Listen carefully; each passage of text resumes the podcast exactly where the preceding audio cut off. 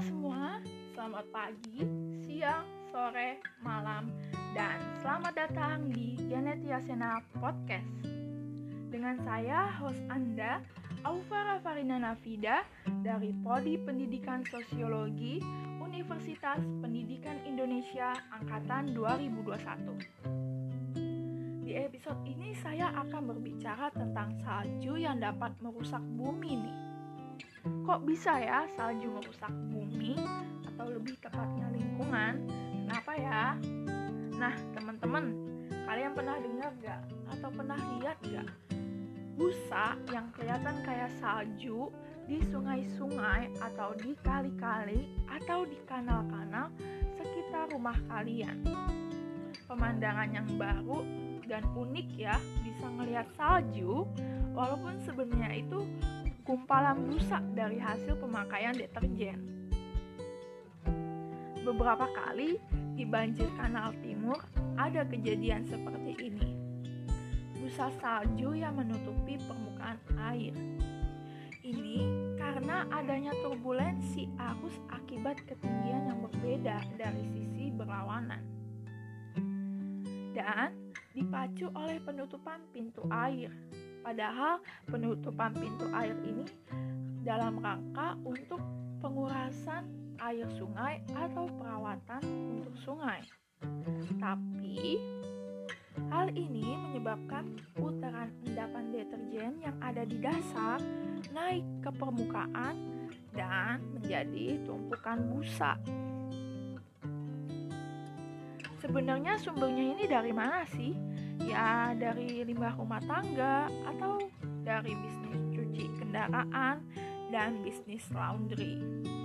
Padahal ya sebenarnya banyaknya busa itu kan gak menjamin atau jadi patokan hasil pencucian lebih bersih ya teman-teman. Apalagi kandungan dari deterjen itu ada yang sifatnya keras, ada yang sifatnya lemah. Nah, yang sifatnya keras ini bisa memproduksi busa yang lebih banyak karena ada kandungan methylene blue active surfactant atau MBAS yang sulit diurai atau bisa merusak dan bisa merusak ekosistem lingkungan. Coba deh teman-teman bayangin penggunaan deterjen per hari rata-rata setiap rumah tangga tuh sebesar 50 gram per harinya Sedangkan jumlah penduduk Jakarta tahun 2020 kemarin mencapai angka 10 juta. Kalau dihitung ya teman-teman, mungkin bisa mencapai ratusan ton per tahunnya. Wah, luar biasa ya angkanya.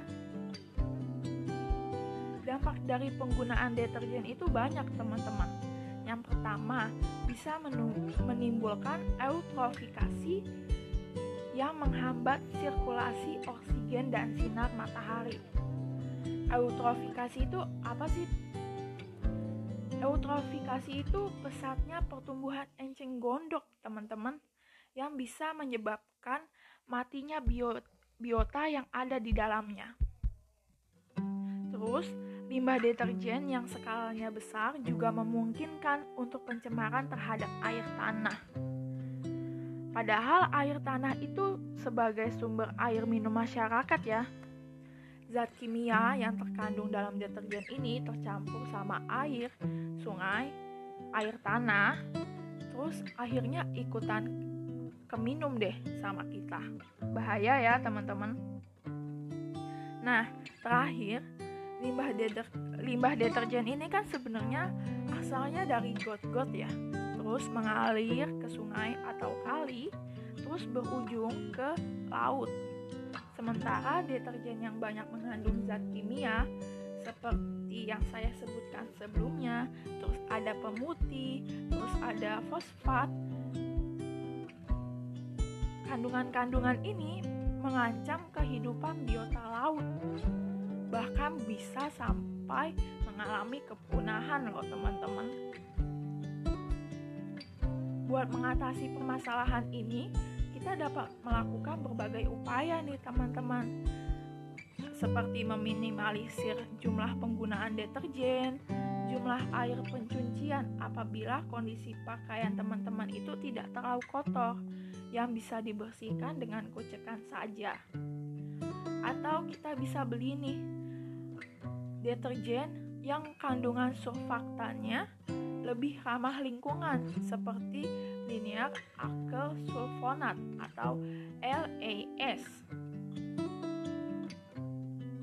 Dari pemerintah sendiri ada nih solusinya yaitu pemerintah mengintensifkan sosialisasi dan penegakan hukum terhadap bisnis-bisnis pencucian yang membuang limbah mereka tanpa adanya pengolahan terlebih dahulu. Pemerintah juga secara bertahap membangun sistem pengolahan air limbah domestik atau SPALD agar bisa memenuhi mutu air yang kemudian bisa dibuang dengan aman ke badan air. Wah, teman-teman, kita udah sampai di akhir podcast nih.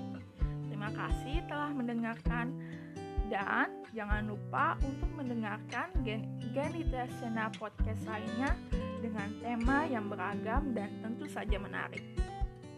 Oh iya teman-teman, jangan lupa untuk menjaga kesehatan kalian ya.